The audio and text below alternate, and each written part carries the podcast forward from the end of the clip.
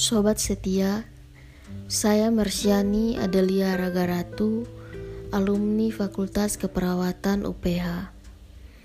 Dalam suasana akhir pekan ini, saya mengajak kita semua untuk mendoakan perawat-perawat yang ada di Silam Hospital, terlebih khususnya Silam Hospital Bekasi Timur. Biarlah Tuhan selalu menolong dan menyertai profesi yang mereka jalani dan boleh menjadi perpanjangan tangan Tuhan bagi setiap pasien yang dirawat. Saya mengajak sobat setia SS Podcast untuk mendoakan saudara-saudari kita yang berada di Kota Malang yang sedang berada dalam musibah. Kiranya Tuhan selalu melindungi mereka.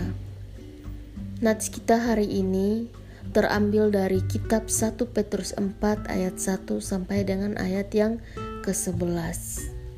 Nats kita akan dibacakan oleh Alex Sarjana Keperawatan. Kiranya Tuhan menolong profesimu saat ini dan biarlah hidupmu semakin menjadi kesukaan bagi Tuhan dan sesama.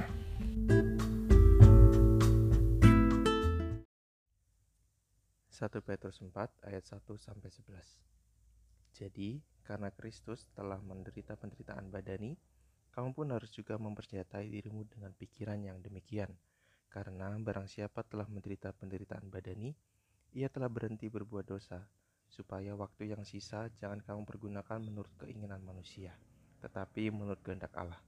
Sebab telah cukup banyak waktu kamu pergunakan untuk melakukan kehendak orang-orang yang tidak mengenal Allah. Kamu telah hidup dalam rupa-rupa hawa nafsu, keinginan, kemabukan, pesta pora, perjamuan minum, dan penyembahan berhala yang terlarang. Sebab itu, mereka heran bahwa kamu tidak turut mencemplungkan diri bersama-sama mereka di dalam kubangan ketidaksenonohan yang sama, dan mereka memfitnah kamu. Tetapi mereka harus memberi pertanggungjawaban kepada dia yang telah siap sedia menghakimi orang yang hidup dan yang mati. Itulah sebabnya maka Injil telah diberitakan juga kepada orang-orang mati, supaya mereka sama seperti semua manusia dihakimi secara badani, tetapi oleh roh dapat hidup menurut kehendak Allah. Kesudahan segala sesuatu sudah dekat, karena itu kuasailah dirimu dan jadilah tenang, supaya kamu dapat berdoa. Tetapi yang terutama, kasihanilah sungguh-sungguh seorang akan yang lain, sebab kasih menutupi banyak sekali dosa. Berilah tumpangan seorang akan yang lain dengan tindak bersungut-sungut Layanilah seorang akan yang lain sesuai dengan karunia yang telah diperoleh tiap-tiap orang sebagai pengurus yang baik dari kasih karunia Allah. Jika ada orang yang berbicara, baiklah ia berbicara sebagai orang yang menyampaikan firman Allah. Jika ada orang yang melayani, baiklah ia melakukannya dengan kekuatan yang dianugerahkan Allah, supaya Allah dimuliakan dalam segala sesuatu karena Yesus Kristus. Ialah yang punya kemuliaan dan kuasa sampai selama-lamanya. Amin.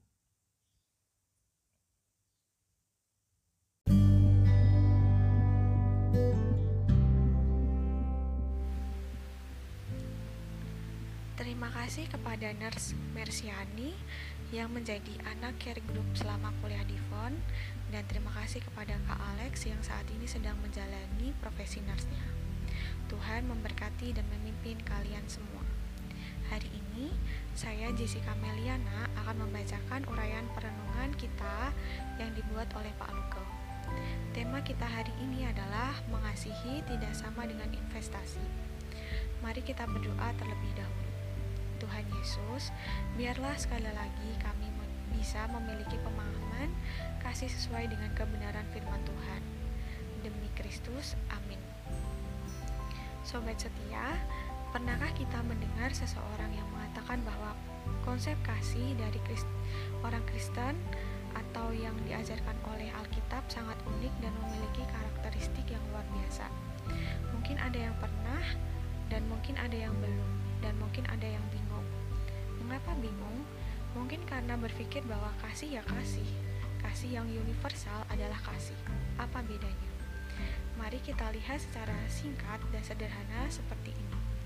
Saya akan menggunakan ilustrasi anak pemuda yang sedang jatuh cinta. Ketika pemuda ini itu menyatakan cintanya kepada orang yang dikasihinya. Misalnya, namanya Lea. Lea, aku mengasihimu atau mencintaimu. Maukah engkau menjadi kekasihku? Nah, mari kita bertanya, ketika dia menyatakan kalimat seperti itu, apa tujuan utamanya?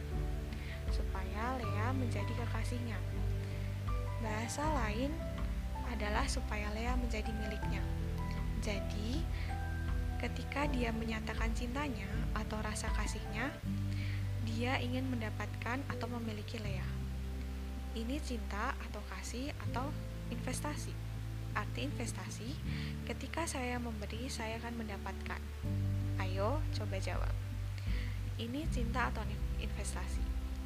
Nats, kita mengatakan bahwa kasih atau cinta yang diajarkan oleh Alkitab tidak sama dengan investasi.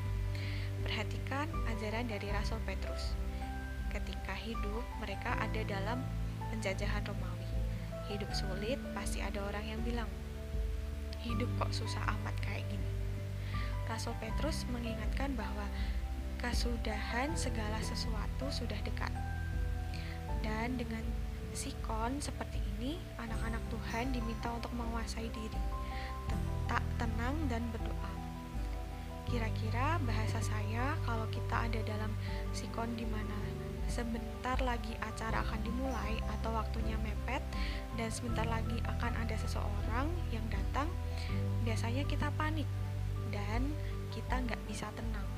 Konteks sebentar dan lagi adalah sebuah konteks mereka mengharapkan Kristus segera datang, akan datang, cepetan datanglah daripada ada hidup susah supaya semua selesai.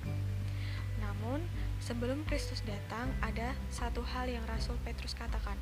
Yang pertama, ayo saling mengasihi dengan sungguh-sungguh. Artinya, kasih itu adalah memberi tanpa mengharapkan timbal balik. Dan ketika dikaitkan dengan menutupi banyak dosa, artinya secara sederhana, di dalam kasih ada pengampunan dan tidak mengingat-ingat lagi kesalahan orang yang kita kasihi seperti lagu sejauh timur dari barat. Tiada kau ingat lagi kesalahanku. Inilah yang harus kita lakukan dalam hidup kita sebagai anak Tuhan. Kita mudah melupakan kasih orang kepada kita, tapi kita sangat mudah ingat kesalahan orang kepada kita, bahkan kita bergumul untuk bisa melupakan kesalahan orang itu kepada kita. Ayo bertobat, sobat setia. Yang kedua, saling melayani satu sama lain.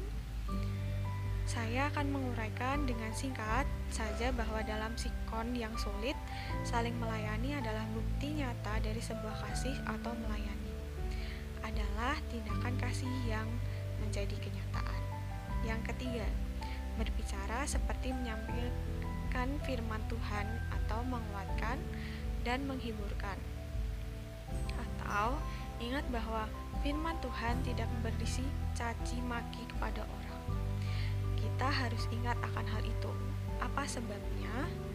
Karena ketika kita hidup dalam dunia ini, kita bisa bicara banyak. Namun, coba kita lihat lagi dan ingat lagi. Apa isi dari kalimat yang kita bicarakan? Hayo, apa? Kalau setiap kata yang keluar dari mulut bibir kita seperti menyampaikan firman Tuhan, saya yakin bahwa orang yang mendengar perkataanmu akan dikuatkan, dihiburkan. Tapi, kalau sebaliknya, maka tidak heran kalau orang yang mendengar kalimatmu, mereka marah dan merasa tersakiti. Sobat setia, tiga hal yang diungkapkan oleh Rasul Petrus bagi kita hari ini adalah sebuah tindakan nyata dari kasih. Dan melakukan itu semua, kita sangat mungkin tidak mendapatkan sesuatu untuk keuntungan kita pribadi. Memang benar, kasih itu bukan investasi, tapi kasih itu ya memberi dan itu akan menjadi keuntungan bagi orang yang kita kasihi dan bukan kita. Selamat mempraktekkan kasih yang hari ini kita renungkan. Selamat menikmati akhir pekan dan kiranya kasih Tuhan melingkupi kita semua. Amin.